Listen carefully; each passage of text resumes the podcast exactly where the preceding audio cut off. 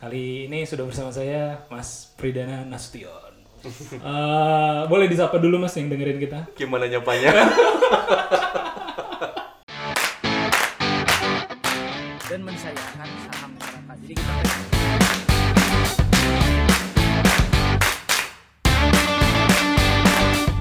beda sama Jakarta sama orang Bandung tuh eh, investasiin buat sekolah anak golf into something new gitu kupu-kupu mungkin ke- Eh, ayahku tuh satpam gitu kan di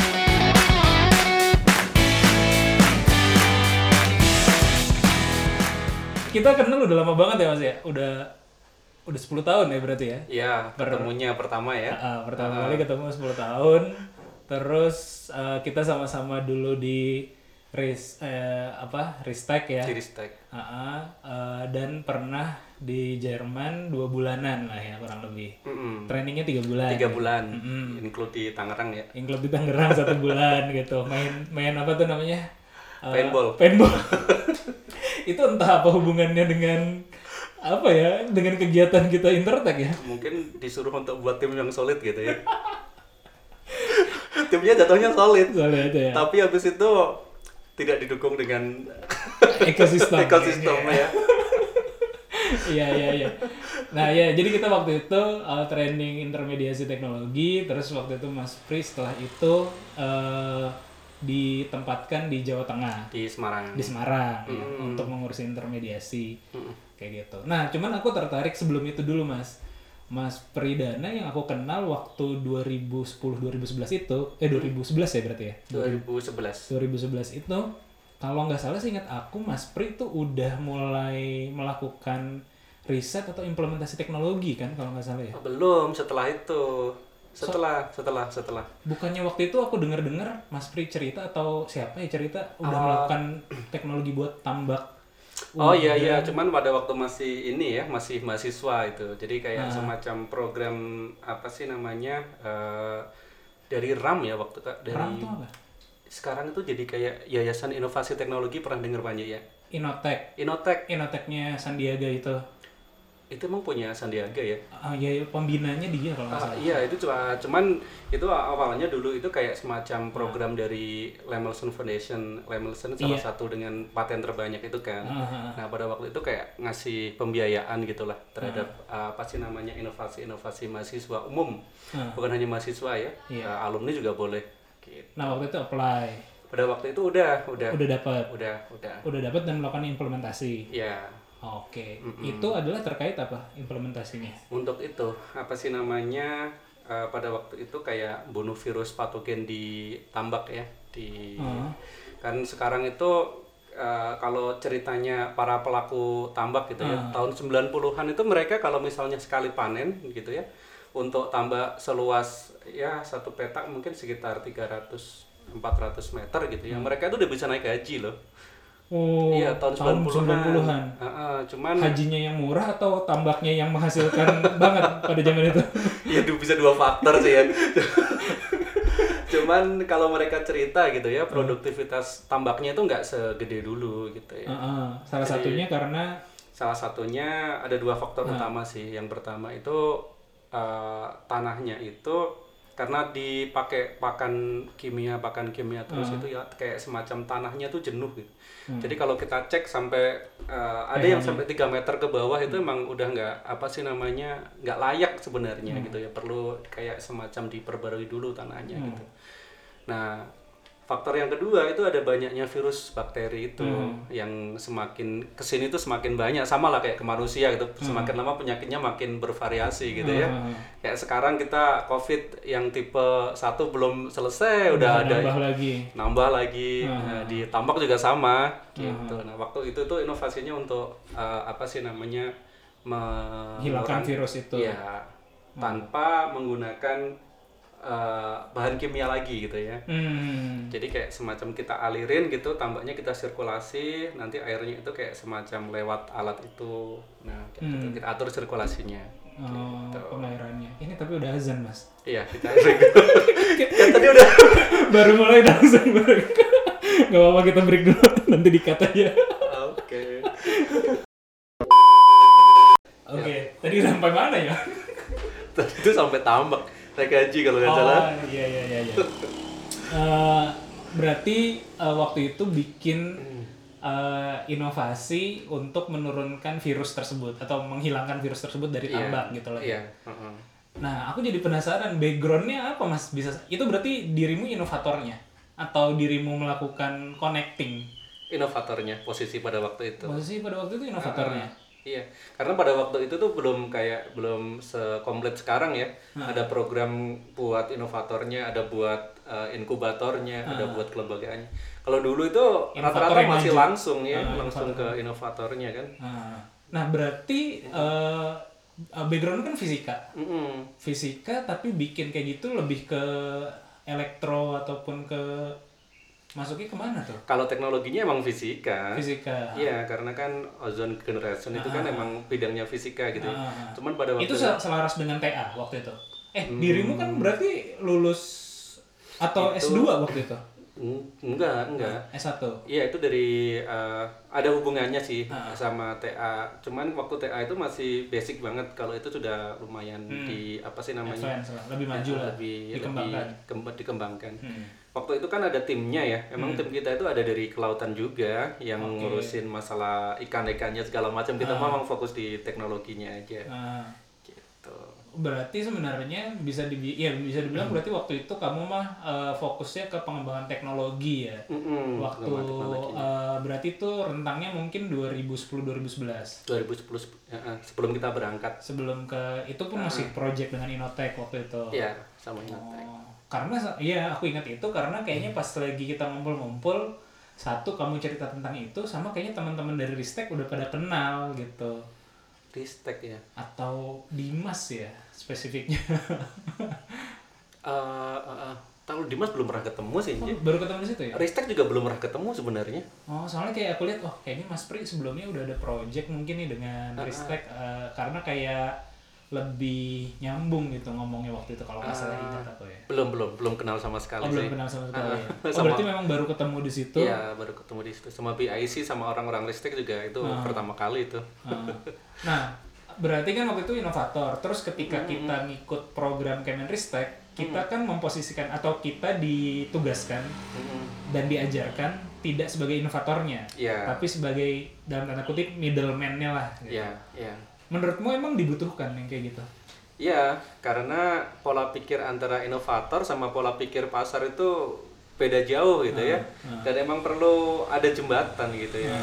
Kalau orang-orang riset mah mereka pasti ngomongnya dari sisi teknologi ini eh, mengenai terkait misalnya efektivitas segala macam gitu kan. Orang market beda lagi pola pemikirannya gitu ya. Jadi emang harus ada yang khusus memanage itu supaya jadi dipasarkan sih. Nah, waktu itu kamu berarti ngerub- ngerubah mindset dong. Karena sebelumnya kan berangkat dari pembuat teknologinya gitu. Terus apakah jadi malah eh, ke sini ke sini kan justru tidak terlalu banyak di tidak, tidak jadi inovator lagi, ya nggak sih? Iya benar. apakah apakah apa ya gitu ya? Apakah memang satu eh, akhirnya kamu ternyata lebih lebih cenderung ke sebagai connecting eh, the dots-nya gitu? Eh, atau memang lebih menguntungkan jadi middleman-nya daripada pembuat teknologinya? Gimana tuh? sebenarnya ya kalau dari sisi eh, apa ya soft skill segala macam emang masih cocok di inovatornya sebenarnya Sebenarnya. skill setnya Melihat diri gitu ya? iya kalau aku melihat diriku gitu ya Ah. Cuman eh, kalau kita lihat di lapangan gitu ya eh, terutama pengguna teknologi yang level UMKM ke bawah lah ya gitu ya itu emang harus ada yang menjadi di eh, jembatan gapnya gitu. Jadi sekarang berusaha mencari itu dulu gitu ya. Karena udah punya background di sisi teknologinya sudah Hmm. market eh, walaupun pernah eh, pernah lah ya kita di marketnya langsung pernah gitu ya. Cuman berbasis pengalaman kenalan-kenalan rekan-rekan partner gitu ya. Eh, emang jatuhnya sekarang berusaha untuk membantu aja sih menjembatani. Hmm. gitu.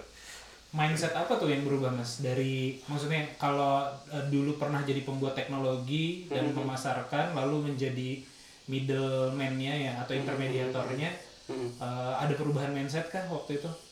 Ya jelas ya. Dari sisi desain produk sama utilitas produk terutama gitu ya Jadi kita nggak fokus ke detail uh, spesifikasi alat melulu yang kita pikirkan gitu ya, tapi uh, menangkap dari pasarnya dulu. Kalau dulu kan aku berpikirnya dari inovasinya dulu nih, Hmm. dari yang kita punya, Hmm. dari yang kita punya ini yang akan kita kembangkan gitu ya. Hmm. Sekarang jadi dibalik, ini butuhnya apa gitu kan. Hmm. Nah itu kan jatuhnya teknologi yang kita gunakan itu kan uh, nggak ketambak larinya pada waktu itu gitu ya. Hmm. Setelah kita pulang dari Jerman pada waktu itu kan uh, setelah program Intertech selesai itu kan teman kita nyebar tuh. Ah.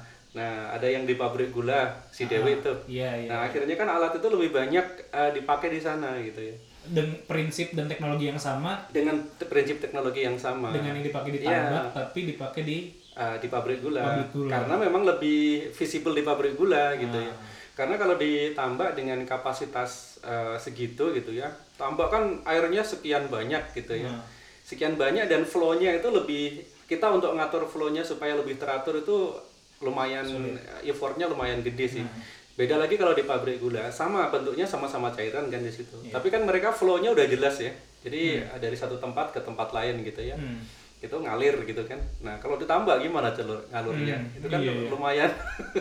Iya, effort. Kalau misalnya kita tarik satu titik gitu nanti konsentrasinya belum tentu merata gitu kan. Hmm. Nah tapi kalau yang skema di pabrik gula itu kan udah jelas alurnya kita tinggal di titik tertentu saja pasang. Boleh dijelasin sedikit mas? Maksudnya Hmm. eh, yang ozonisasi ini kayak gimana sih sebenarnya? Sederhana aja ya. Karena aku background fisika tapi eh, kayaknya udah lupa. Ini kita sama-sama orang fisika. Jatuh ya, tapi takutnya pendengarnya jadi bingung gitu nanti ya. eh, makanya yang umum aja ya jadi intinya gini ya kita bisa membunuh virus itu dengan berbagai cara Ah, gitu ya. Kalau uh, menggunakan ozon itu prinsipnya adalah kita merusak sel jaringan mereka kan ringkih tuh sebenarnya. Nah ozon, ozon itu kan O3 ya berarti ya ya? uh, kalau yang kita hirup ini kan O2 tuh. Hmm. nah ketika kita pecah O2 gitu ya itu kan mereka jadinya O atom O itu kan nggak stabil ya. Pasti Hmm. mereka akan nyari uh, pasangan gitu. Mereka dia nggak tahan jomblo cuy jadi jadi dia cari pasangan gitu ya. Nah ketika kita pecah jadi atom ketika dia gabung lagi itu kemungkinannya bisa jadi O2 bisa jadi O3 Iya. gitu ya. Sedikit sih presentasinya. Ozon tuh kecil sekali kurang dari satu persen. Cuman kurang dari satu persen pun cukup sebenarnya gitu ya. Nah ini dia cukup reaktif jadi dia akan merusak dinding sel virus bakteri gitu Oh gitu. Dan itu dialirkan ke eh, kalau ditambak dialirkan di tambaknya Iya. sehingga eh, tanahnya atau lumpurnya di situ kita harapkan kena semua karena gitu semua kan gitu. Nah kalau di pabrik gula dikenakannya ke di itu jadi tebu itu kan diperes ya oke. Nah, nah peresan tebu itu peresan tebu itu yang kita tembak pakai ozon Gitu. Eh, tapi itu tidak mengganggu si hasil tebunya sendiri. berdasarkan uji lab pada waktu itu enggak sih Eh, Oh jadi nggak mem- mempengaruhi apa-apa. Enggak. Jadi kan ozon itu nggak stabil juga ya. Dia Hmm. sebentar juga usianya tuh sepersekian detik dia akan kembali lagi menjadi oksigen lagi. Hmm. Yang paling stabil kan O2 ya. Iya. Nah, gitu. Oh jadi sebenarnya eh, ketika di fase dia jadi O3 eh, diharapkannya bisa menghilangkan virus eh, yang ada di situ atau Iya. bakteri yang ada di situ Bakteri yang gitu ada ya. di situ. Oh gitu. Berarti itu udah digunakan di eh, RNI waktu itu. Iya, di- sampai sekarang masih digunakan. Oh masih digunakan. Dapat ini enggak apa namanya? Kita uh, Beli putus. Iya, beli putus ya. Manajemennya waktu-waktu itu belum begitu bagus gitu ya. Cuman alhamdulillah masih beroperasional tuh Oh iya. Iya. Oh. Di ini enggak di eh, apa ya? Didaftarkan paten kah atau secara desain misalnya kalau ngomongin desain produk dida- didaftarkan ke Hmm, belum desain sih, produknya. belum belum belum. Mungkin suatu saat nanti ya, setelah Hmm. kita fokus lagi ke situ. Nah. Enggak, soalnya kan eh, aku bertanya be- begitu adalah karena kan eh, ya kita, ya dirimu gitu sudah berprofesi menjadi intermediator juga kan. Saat ini juga kurang lebih bisa dibilang seperti itu. ya, Eh, nah, salah satu hal yang kita yakini adalah tentang masalah kepemilikan kan, kepemilikan atau copyright lah, eh, masalah Iya. paten dan segala macam, di mana ya ilmuwan nggak mesti berbisnis, ilmuwan store teknologi, teknologi komersialisasi, Iya. komersialisasinya dapat si ilmuwannya dapat efek dari komersialisasi tersebut gitu kan. Mm, mm, mm. Nah kan kamu udah pernah di posisi inovator. inovator Mm, mm. eh, dan kamu tahu knowledge-nya terkait intermediator teknologi. Mm, mm, mm. Kenapa gak diterapin ke diri sendiri? bukan nggak diterapin cuman pada waktu itu uh, ketika kita berbicara inovasi berhasil gitu ya menjadi produk yang dipakai itu. Kita tidak hanya berbicara mengenai apa sih namanya produk kemudian dari kekayaan intelektual. Iya. cuman di situ masih banyak faktor yang harus kita uh, handle. Jadi misalnya terkait apa ya strategi sih terutama strategi supaya produk ini dapat diterima dengan baik oleh semua pihak. Itu kita butuh skill khusus gitu. Iya, iya. Nah, itu sih. Jadi nanti kalau eh, kita mulai bergerak lagi ke situ, eh, kita akan bergerak dari situnya dulu. Jadi supaya produk ini itu eh, dapat diterima oleh semua pihak tanpa eh, menimbulkan konflik gitu ya. Jadi kita Ya karena di beberapa ya aku juga sempat menemukan itu sih. Dulu aku juga uh, iseng-iseng bukan iseng-iseng ya, ya efek dari Intertech juga waktu itu kita sempat uh, aku sempat bantuin beberapa implementasi solar eh bukan uh, mikrohidro sebenarnya.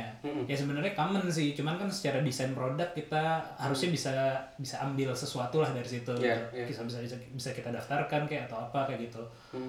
Uh, cuman ya memang kalau di aku kendalanya adalah uh, repot bukan repot ngurusnya tapi uh, dealingnya nantinya misalnya loh gue harus bayar fee terus kayak atau bagaimana kayak gitu terus juga uh, ya kebanyakan yang mudah ya beli putus aja sih ada nilai tendernya sekian untuk implementasi di mana di mana di mana di mana kita kerjakan jadi hanya project gitu sifatnya Iya.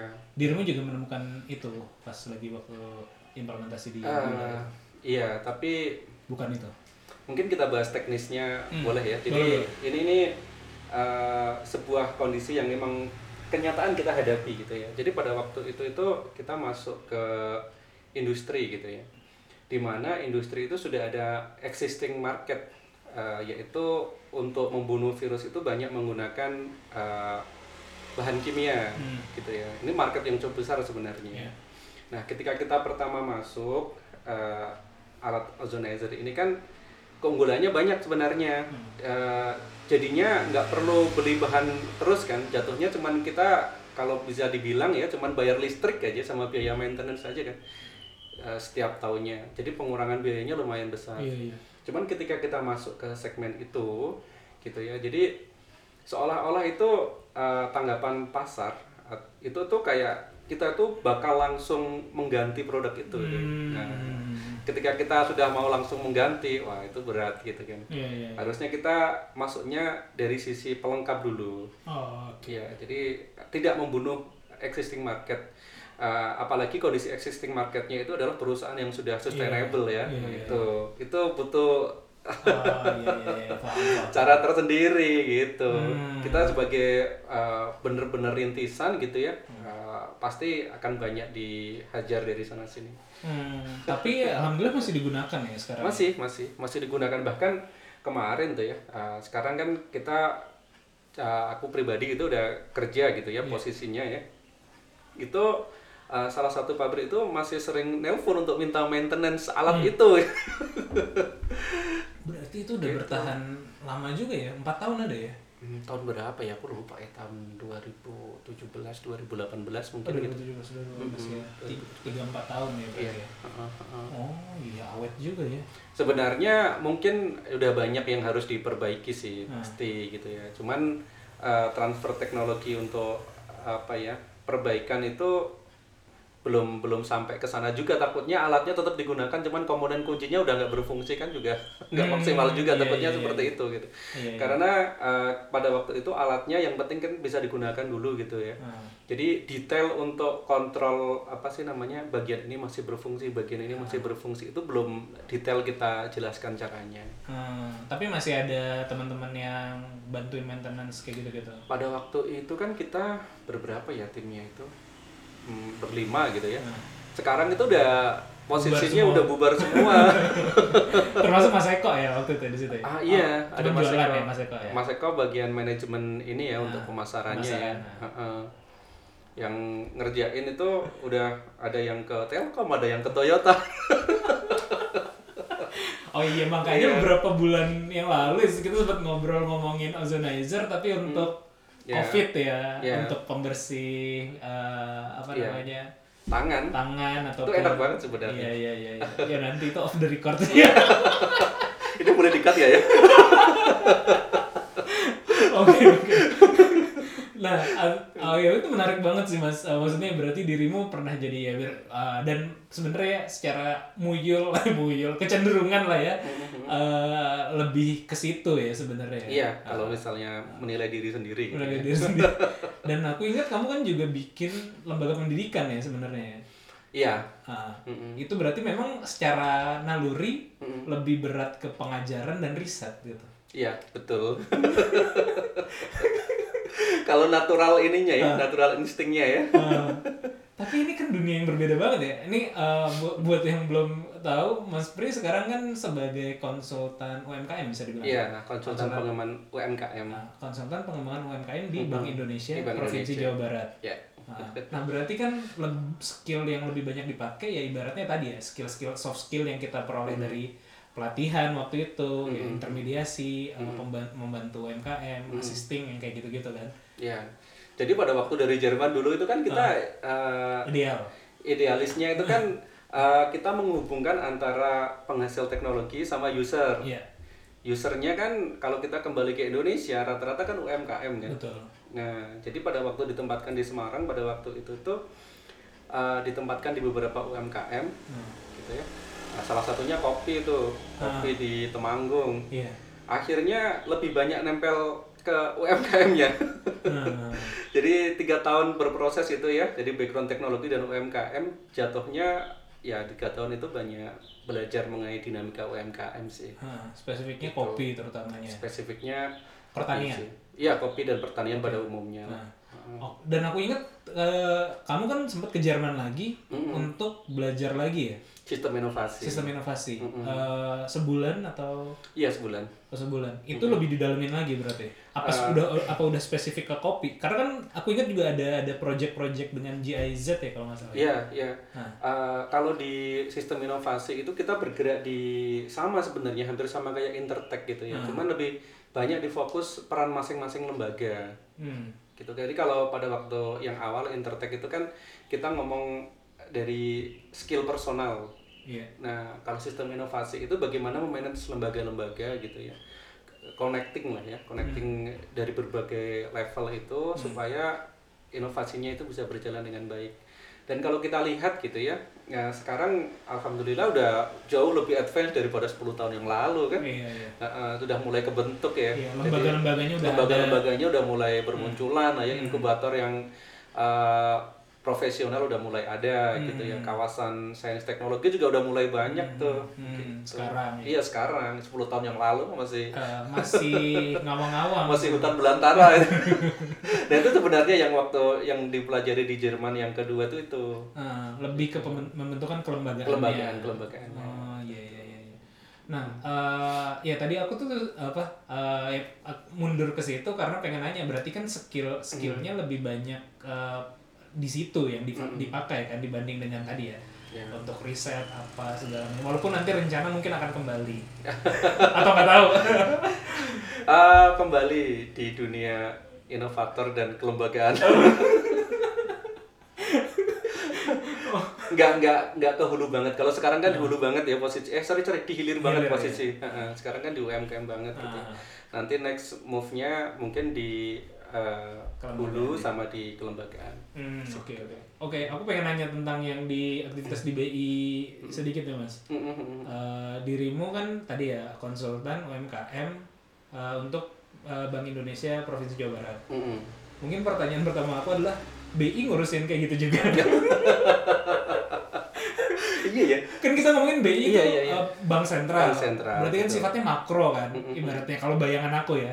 Nah, kok keperintilan-perintilan UMKM eh, pengembangan inovasi sana membantu UMKM agar berkembang ah, jadi kok jadi concernnya BI juga ya gitu. Ya, itu pertanyaan yang selalu aku temui sih sebenarnya. Bahkan dari UMKM-nya sendiri. Iya bener. Iya, jadi eh, secara umum ya kalau kita ngomong itu kan eh, kebijakan eh, untuk ekonomi nasional itu ada dua ya. Satu kebijakan moneter, satu kebijakan fiskal, Oke. ya kan.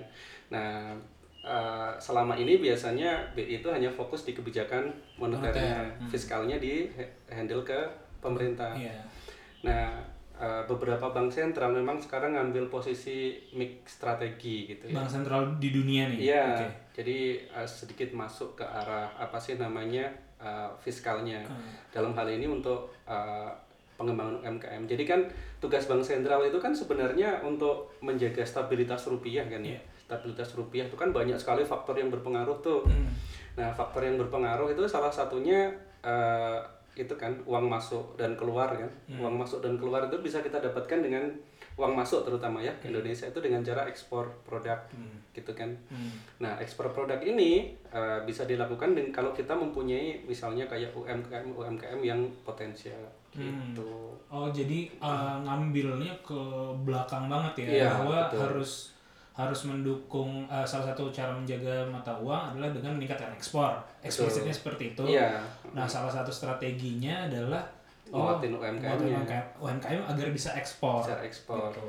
Gitu. Nah kalau di Jabar apa tuh kira-kira potensi ekspornya atau sudah uh, yang sudah ekspor dan bisa Eh, Jawa Barat tuh kopi lumayan ya sebenarnya ya. Hmm. Walaupun jalur distribusi distribusinya tuh banyak yang nggak direct gitu ya. Ada beberapa yang direct gitu. Hmm. Langsung maksudnya dari Jawa Barat langsung ekspor.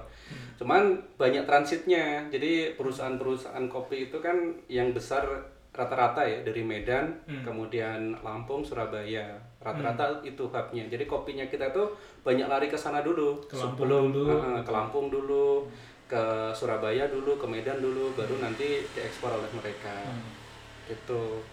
Kalau di mata dunia memang kopi Java Preanger ya berarti ya? Mm, kalau mm, salah satunya ya? Atau Iya. ada yang lain lagi? Ya? Java Preanger yang dapat sertifikasi Hmm. indikasi geografis ya walaupun kalau udah kita ngomong market gitu, origin lah bisa udah bilang udah ada label originnya gitu ya berarti. sebenarnya mereka nggak peduli dengan itu ya yang penting mereka dapat lokasi dari mana gitu ya kemudian varietas kopinya apa ketinggian berapa data-data itu yang mereka butuhkan itu udah di eh, di mata dunia udah bagus. Untuk market tertentu. Untuk market Oh. tertentu ya. Kalau kita ngomong uh, mass product gitu ya. Kalau kita ngomong mass product uh, harus kita akui bahwa kopi arabica kita ya karena Jawa Barat rata-rata menghasilkan arabica. Kan. itu kalah sama negara-negara Amerika Latin Brazil Kolombia gitu ya. Atau Afrika. Mereka uh, sistem pertaniannya sudah skala komersil besar gitu ya. Jatuhnya tuh harganya jauh lebih rendah dibanding kita. Tapi ya itu kita maksudnya masuknya tuh di niche market gitu ya. Jadi kalau kita cek kopi-kopi Jawa Barat itu ada di distributor negara-negara Eropa gitu ya. Java, Cafe, West Java gitu ada gitu. Cuman ya itu nggak nggak nggak belum gede ya. belum belum gede gitu.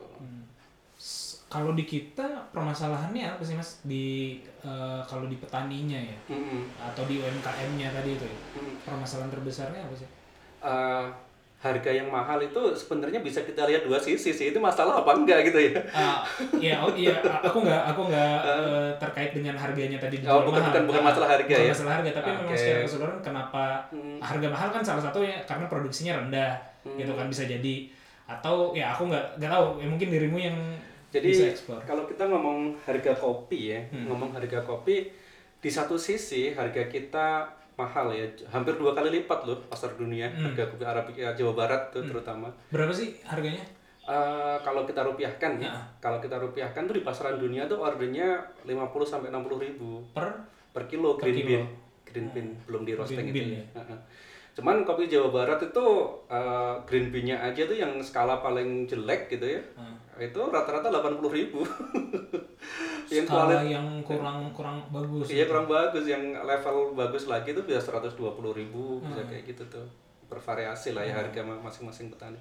Nah, kalau kita lihat dari sisi ekspor, mungkin ini kurang menguntungkan ya. Tapi kalau bagi aku pribadi sih selama Iya. produknya itu habis terjual bagi petani ya nggak masalah kan gitu. Iya iya iya. Nggak harus Iya, ekspor benar, kan. benar. Ya, ya nggak harus ekspor, tapi tadi balik lagi ke masalah BI, Iya. BI tujuannya. Kalau kita kembali ke terkadang sisinya sebelah mana dulu gitu ya. Ah. Atau memang, eh, oke aku nanyanya gini dulu deh. Hmm. Eh, petani lokal ya atau UMKM ya kita ngomongnya, Hmm. eh, berapa persen dari produk mereka yang keluar, berapa persen yang untuk dalam negeri? Eh, petani lokal ya. Nah, Jawa Barat deh spesifiknya. Jawa Barat, Jawa Barat. Yang Jadi eh yang ke ekspor direct itu sedikit masih di bawah 5% bahkan ya. Oh iya. Iya, yang direct loh ya. Hmm. Kecuali karena itu tadi, jadi banyak yang Ya, kalau- transit dulu. Kalau transit kan hitungannya dibeli lokal lah Iya, ibaratnya. kita nggak bisa nge-track itu ke mana larinya ya. Iya, Cuman iya. kita anggap aja itu lokal ya. Iya, iya. Nah itu jadinya kalau yang direct itu kurang dari 5%. Oh, berarti memang ya pembelian paling banyak ya oleh lokal sendiri gitu. Iya, lokal sendiri. Hmm. Iya berarti uh, di- dirimu melihat itu tidak terlalu jadi masalah lah asal petaninya mah happy yang penting Iya, dagangan yang laku penting dagangan laku. jual harga mahal pun laku kayak gitu. Mm, mm, mm. Oh, terus apa masalahnya? Apa yang kamu bantu uh, Uh, UMKM ini? Itu kan dari salah satu komoditas ya. Ah. Uh, padahal di B itu kan komoditasnya banyak tuh. Kalau Hmm. uh, tadi kita ngomong masalah stabilitas harga Kopi. Ya. uh, rupiah lah ya. Rupiah, Itu kita ngambil contohnya lewat banyakin ekspor. Ah. gitu. Cuman di satu sisi eh, tugas Bank Indonesia juga menjaga harga itu tidak terlalu fluktuatif. Oke. Harga komoditas, terutama komoditas eh, inti ya sem- sembako, lah ya. Sembako, ah. Jadi misalnya kayak beras kayak gitu-gitu daging sapi, nah itu. Jadi beras katakanlah jangan sampai harganya terlalu fluktuatif gitu kan. Hmm. Nah supaya harganya nggak fluktuatif maka BI langsung terjun ke situ. Hmm. Jadi mengembangkan UMKM berasnya tujuannya supaya suplai berasnya ini tetap stabil. Hmm. Gitu. Berarti dengan eh, dengan misalnya pelatihan eh, apa ya tata cara pengolahan yang lebih baik atau tanamnya yang kayak gitu-gitu. Ah, ah. jadi mulai dari pelatihan, misalnya eh, pelatihan organik gitu ya. Eh, Kemudian dari sisi kelembagaan juga ada, permasaran juga ada, bantuan sarana prasarana juga ada. Tapi yang perlu dicatat di sini eh, tanpa ini ya mengecilkan fungsi dari lembaga dinas instansi yang terkait ya. Hmm. Sebenarnya BI itu tetap akan selalu mendukung sih program-programnya apa sih namanya Dinas dinas, instansi. Justru biasanya kita masuknya itu selalu dari dinas dulu. Biasanya Hmm. punya program ini di mana di mana gitu. Selalu koordinasi. Oh jadi apa eh, eh, include ke program mereka gitu. Iya, iya kolaborasi. lah. Dibanding dibanding bikin sendiri gitu. Iya, walaupun beberapa kita ada kajian sendiri ya. Hmm. Jadi kajian melibatkan universitas. Jadi konsep eh, ABGC yang dulu kita pelajarin tuh banyak diimplementasikan di BI jatuhnya. Hmm, antara akademik, Iya. bisnis, government gitu. Iya, iya benar. Jadi Hmm. kita banyak riset uh, sama IPB, sama Unpad tuh sering tuh. Hmm. Jadi misalnya potensi nih, uh, potensi kita pengen mengembangkan padi, misalnya katakanlah di Kabupaten Subang gitu misalnya. Hmm. Maka kita minta universitas untuk melakukan riset dulu, Hmm. kira-kira yang potensial di mana. Nah nanti universitasnya itu akan kerjasama dengan uh, dinas instansi terkait. Iya sih. Gitu. Kayaknya sih memang mudah terjadi atau ene apa ya BI sebagai enabler bisa karena sumber duit sih sebenarnya. Jadi kalau iya, kalau mau melakukan kolaborasi kan harus ada yang bohirnya lah ibaratnya kan. Ya BI kan tidak mungkin kekurangan uang nggak? Ya nggak sih? Iya bener juga. tuh. Iya, maksudnya kayaknya sih eh, ya salah satu enabler yang paling mudah kan itu kan kapitalnya ya. Mungkin Iya. mungkin mungkin dengan cara kayak gitu. Berarti itu BI masuk ke ranah-ranah kayak gitu ya. Eh, dan kalau di spesifik di Jawa Barat Hmm. eh, yang paling banyak dibantu UMKM tadi ya, tani, pertanian, kopi, Eh, bahan yang- pokok gitu-gitu. mungkin kalau kita bagi per komoditas ya Hmm. eh, kategori sorry Hmm. yang pertama itu adalah komoditas yang kalau bahasa kita sebutnya adalah volatile food jadi harga komoditas yang sangat fluktuatif Hmm. cabai itu kan Iya, iya. iya kadang-kadang Lebaran. harganya Kalau beli di gorengan sekarang udah dikasihnya dikit. Kalau kalau musim-musim lebaran puasa gitu. iya, Oh. Bang. ngerasa nggak? iya kerasa Iya, kerasa. kadang-kadang diganti saus juga pernah Dikasih cabenya dikit sih, cengeknya dikit. eh serius pernah diganti saus Oh iya, buset. Iya, jadi kadang-kadang cabai itu tahu-tahu 120 ribu, Heeh. itu ya. Heeh. Eh, nah itu Daging, jadi daging juga? daging juga daging sapi Heeh. Eh, walaupun daging sapi cenderung lebih stabil lah ya Heeh. dibanding tapi termasuk salah satu komoditas Vol- itu apa volatile. volatile itu dalam artian harganya sangat Ah. berfluktuatif Ah. itu komoditas yang pertama Ah. komoditas yang kedua itu potensi ekspor Oke. dan tadi kayak kita ambil contoh kopi, Kopi. gitu ya sekarang yang lagi ngehit porang tuh di mana-mana porang Porang tuh porang itu kayak umbi-umbian gitu Hah? jadi tuh banyak diekspor ke negara-negara uh, Kayak ubi gitu berarti. umbi, umbi. Iya, maksudnya umbi-umbian kan tanaman yang di Iya. dari Cuman dia agak gede sih umbinya. singkong kayak singkong. Hmm, kalau singkong kan panjang gitu ya, Ah. itu dia cenderung lebih Bulet. bulat gitu. Dan tanamannya itu kalau singkong kan tanaman keras gitu ya, itu Ah. mah lebih ke arah kayak ke arah apa ya? Kayak tanaman kayak talas kayak gitu-gitulah. Oh. Bentuknya tuh hampir kayak gitu. Ah, produknya apa, apa? Makanan yang terbuat dari porang apa? Nah, apa dimakan gitu-gitu aja? Kita masih agak sedih nih sebenarnya ya. Apa? Salah satu hard reality yang harus kita hadapi. Jadi itu kita masih eh, ekspornya dalam bentuk bahan baku. Nanti di Oh. sana eh, Korea Jepang.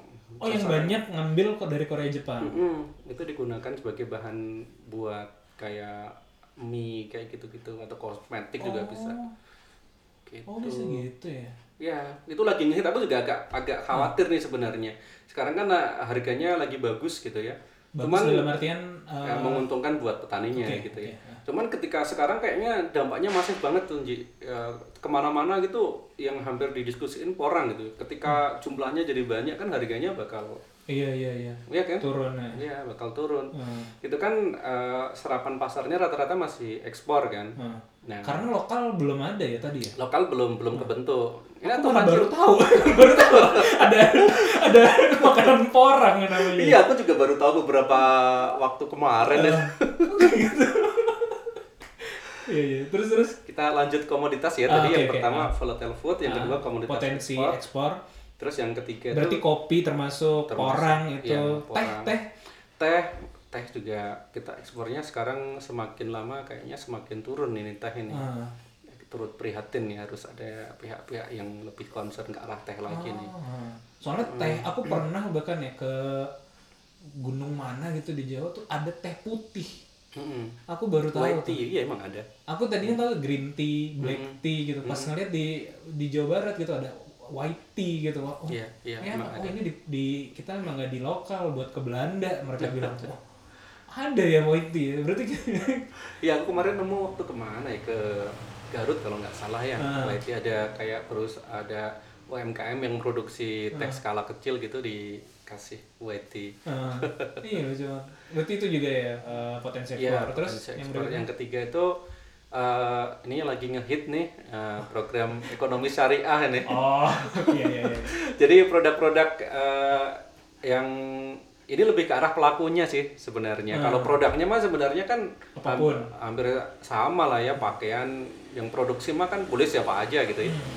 Cuman ini lebih eh, ke apa ya personalnya atau lembaganya yang buat. Nah itu basisnya syariah.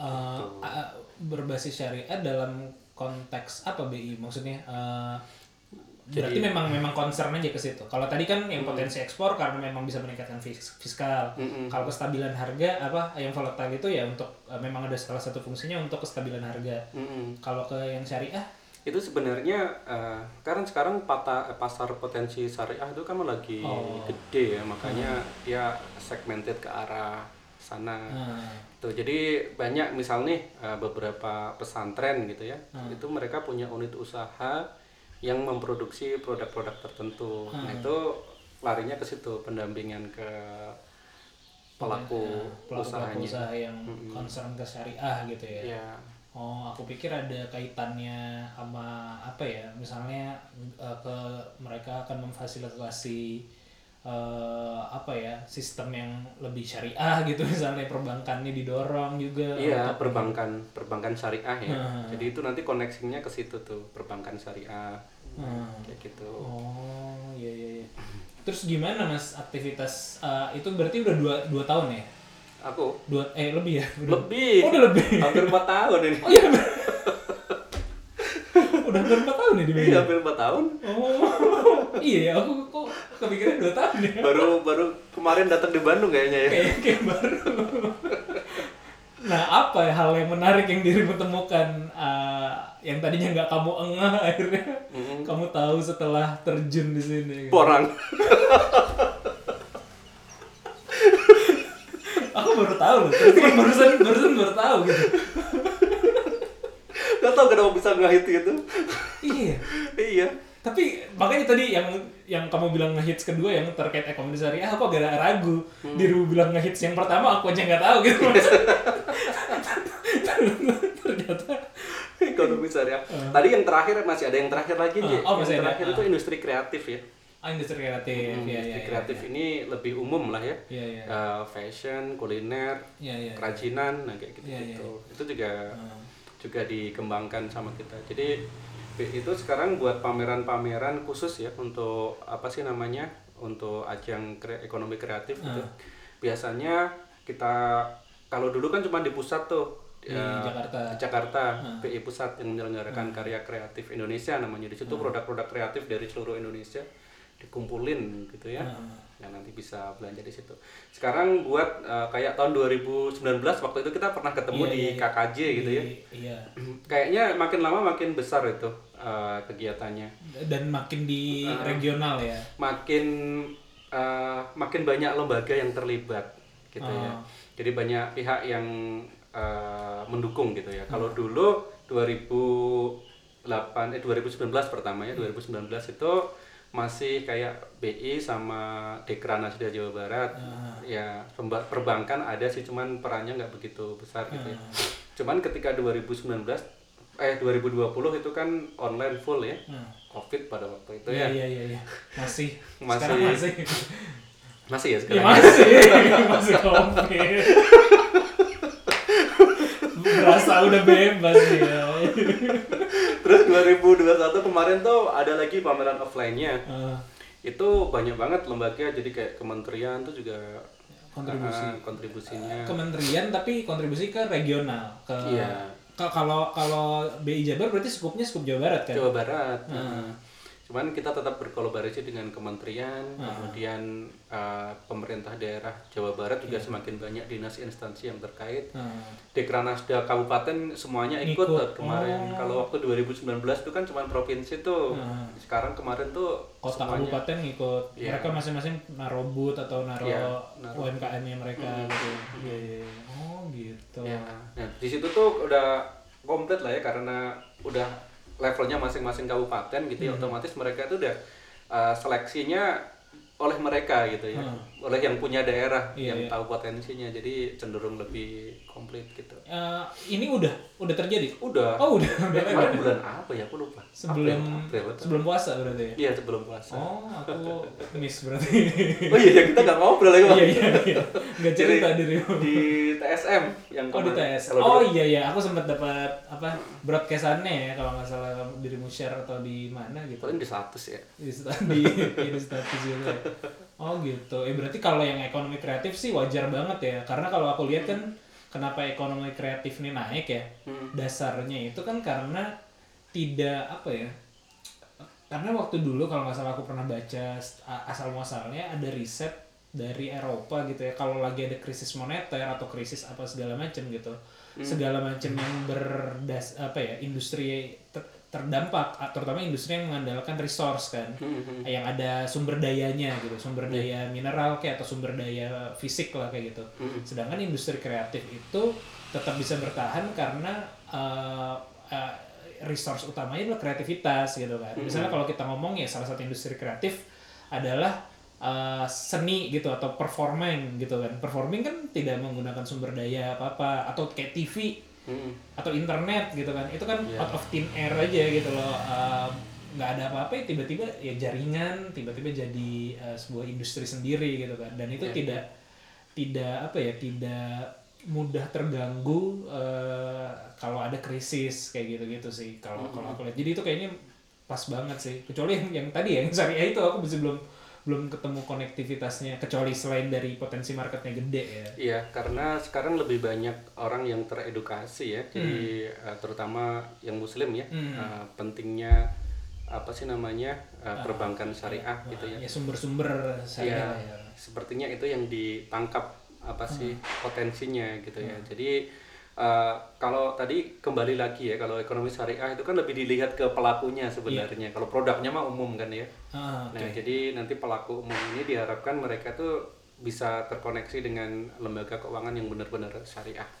Oh, Oke. Itu ujungnya ke sana. Oke, berarti yang dilakukan di eh, divisimu itu adalah tadi ya mem- membuat pelatihan, pameran, eh, Pameran.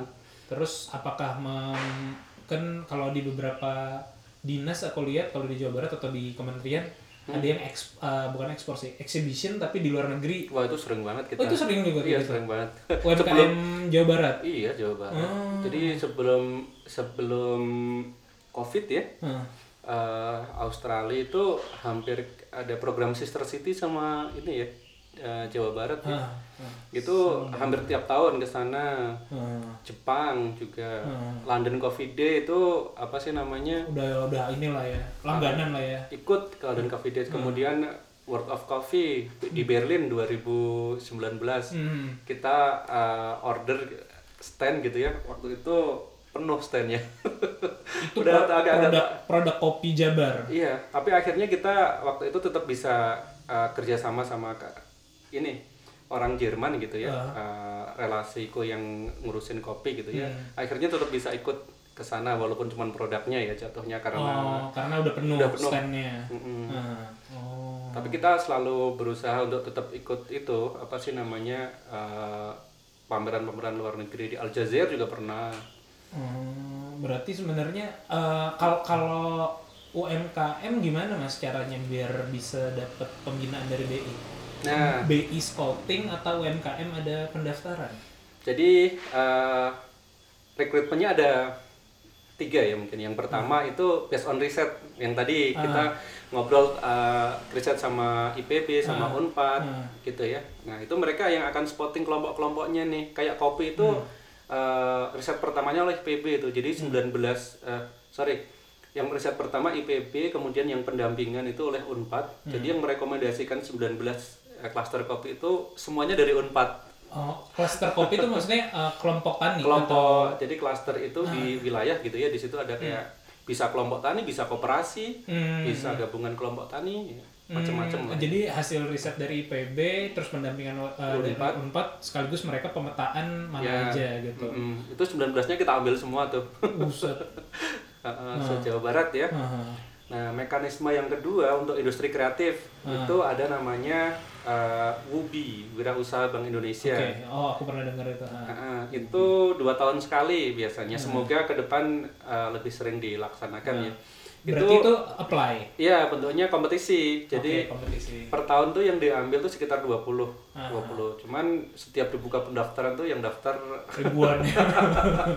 belum belum sampai 1000 sih. Cuman Ah, ya itu ya. eh, terakhir itu kemarin kalau nggak salah di angka 800 800 Ah. sekian gitu ya. 800 ngambil 20 ya. 20 ya, Capek lu- juga evaluasinya. Nggak yang nanti yang evaluasi itu eh, kita pakai ini biasanya eh, Lembaga. lembaga Ah. yang pertama itu kita pakai pelatih Indonesia itu eh, pernah dengar nggak ya dari Jogja terus yang kedua itu pakai punyanya Mas Jaya Oke. Ah, ah. Iya, iya, iya. lembaga-lembaga begitu. ya. lembaga-lembaga gitu yang bantu kita untuk seleksi Iya, iya, iya, iya, iya. 800 gitu. jadi 20 gitu ya Oh, itu sebenarnya aku mau tanya gini, uh, sebelum masuk yang ketiga ya, uh, BI itu kan baru BI Jabar ya. Apakah regional BI lainnya, Ya. kantor wilayah ya berarti? Ya, ya? Kantor ya. wilayah lainnya juga melakukan hal hampir yang sama. hampir sama Oh. gitu jadi ini berlaku di Indonesia hampir sama ya kayak gitu Menarik, menarik. Jadi sebenarnya. BI Hmm. ini juga ya apa ya? Kontribusi ke situnya juga cukup besar ya, Iya, banyak ya. cukup cukup gede, cukup Hmm. gede. Anggarannya juga gede. Kan tadi si aja udah komen. Oke oke. Eh, terus yang enggak karena yang dengerin kan bukan cuma di Jawa Iya. Barat gitu maksudku. Oh siapa tahu dari tempat lain Iya, juga sama sama. Template-nya sama Ah. kayak gitu. Oke, yang berikutnya? Yang ketiga itu kalau misalnya ini kita sebut sebagai kemitraan ya. Oke. Itu kalau misalnya ada sebuah produk yang benar-benar unik dari daerah itu gitu ya. Ah. Nah, itu biasanya uh, atas inisiatif BI bisa aja langsung di-handle. Oh Gitu. gitu. Ah, gimana tuh mekanismenya? Jadi uh, sedikit kita ambil contoh ya. Dulu di Garut di Garut itu ada tenun Iya. uh, kalau ibu-ibu tahu tuh pasti Iya, itu tahu, tenun tahu. sutra yang Ah. agak di gunting-gunting dikit gitu Iya, yang bulu itu ya. Hmm. Itu uh, UMKM-nya cukup potensial dan itu emang uh, khas Garut banget Iya. gitu kan ya. Ya sudah akhirnya uh, kita rekrut untuk jadi UMKM mitra Ah, gitu. Oke. Nah, tipsnya gimana? Ini sebenarnya potensi yang paling eh, apa ya?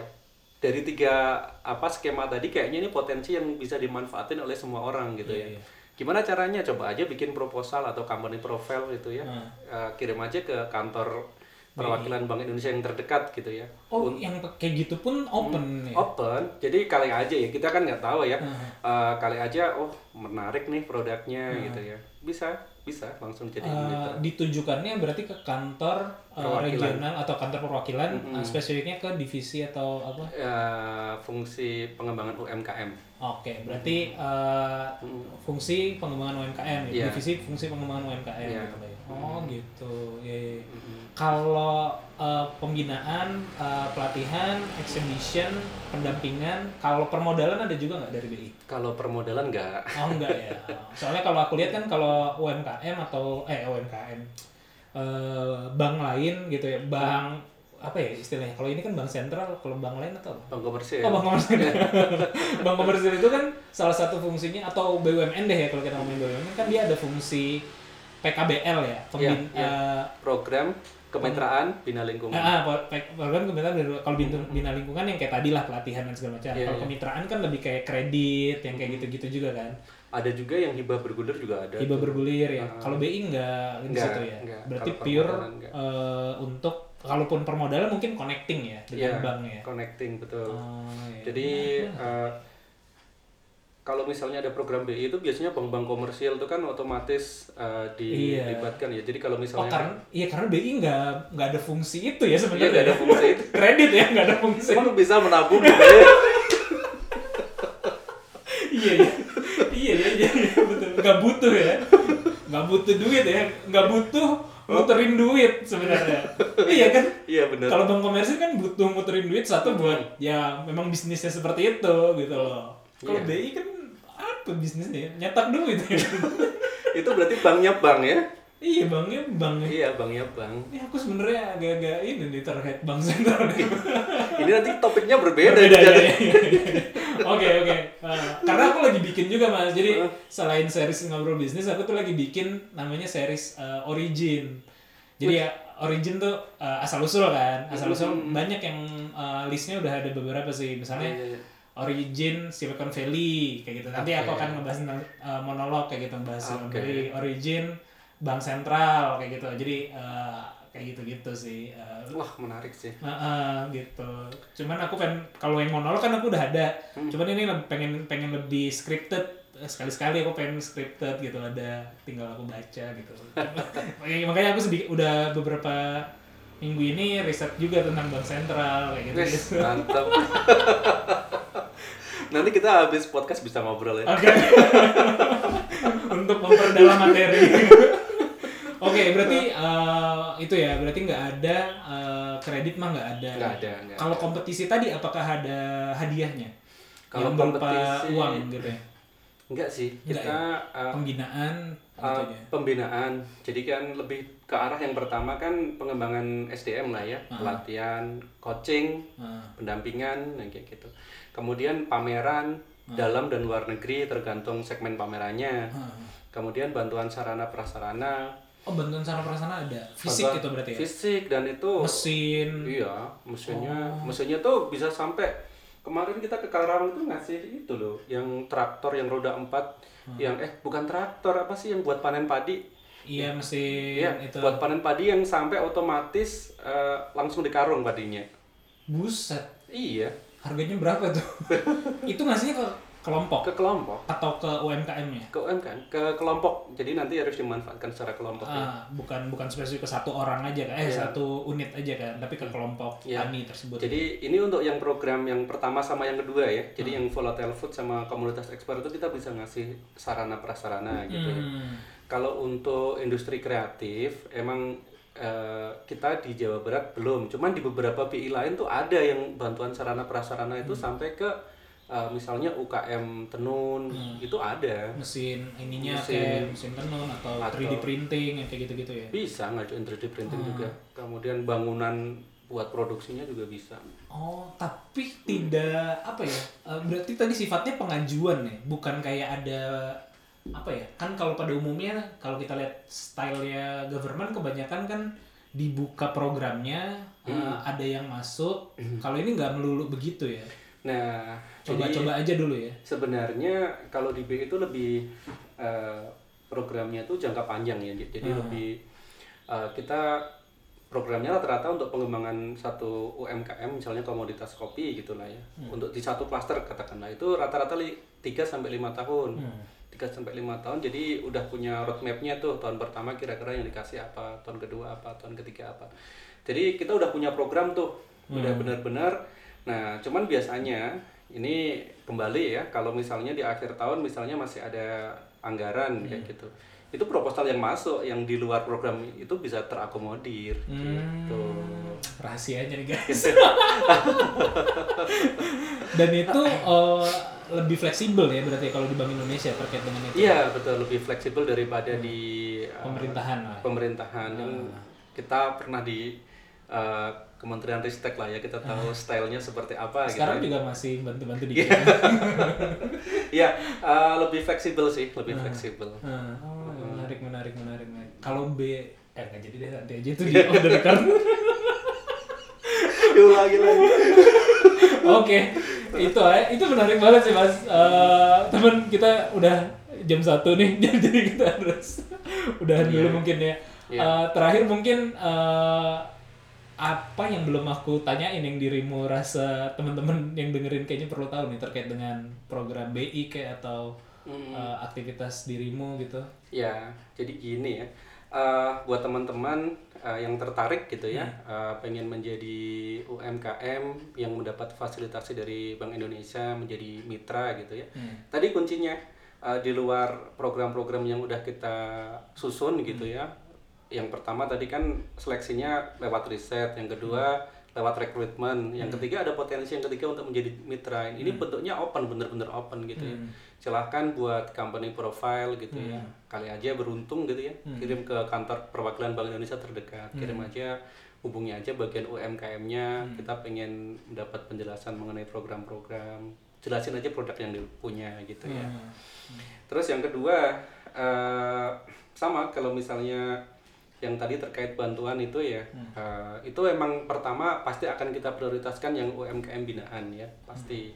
Nah makanya eh, setelah selain apa sih tadi yang buat proposal bukan company profile ya, coba aja silahkan buat proposal eh, usulan bantuan atau apa program itu bisa. Hmm. Walaupun uh, belum tentu difasilitasi ya, setidaknya membuat kita dikenal dulu lah. Iya, paling kan Nah, masuk radar dulu Betul, oh, ada yang masuk kayak radar. gini. Iya, Ah, ah, apalagi kalau buat teman-teman yang ngerasa produknya itu benar-benar unik ya. Ah, Iya. iya, iya. Kenalin aja produknya. Iya, iya, iya. Gitu. Oke mas, thank you banget nih atas waktunya sharingnya Eh, bermanfaat banget sih. Paling buat aku juga jadi dapat insight baru nih ya. Paling tentang porang. Iya sih, orang ini menarik gitu. Tapi aku googling bisa kenal bentuknya. Tadi habis googling jangan tanam ya. Udah terlalu banyak yang nanam ini. Oke, terima kasih yang udah dengerin sampai akhir. Semoga obrolan kita ada manfaatnya. Eh, sampai ketemu di podcast ngobrol bisnis berikutnya. Bye. Bye. Thank you.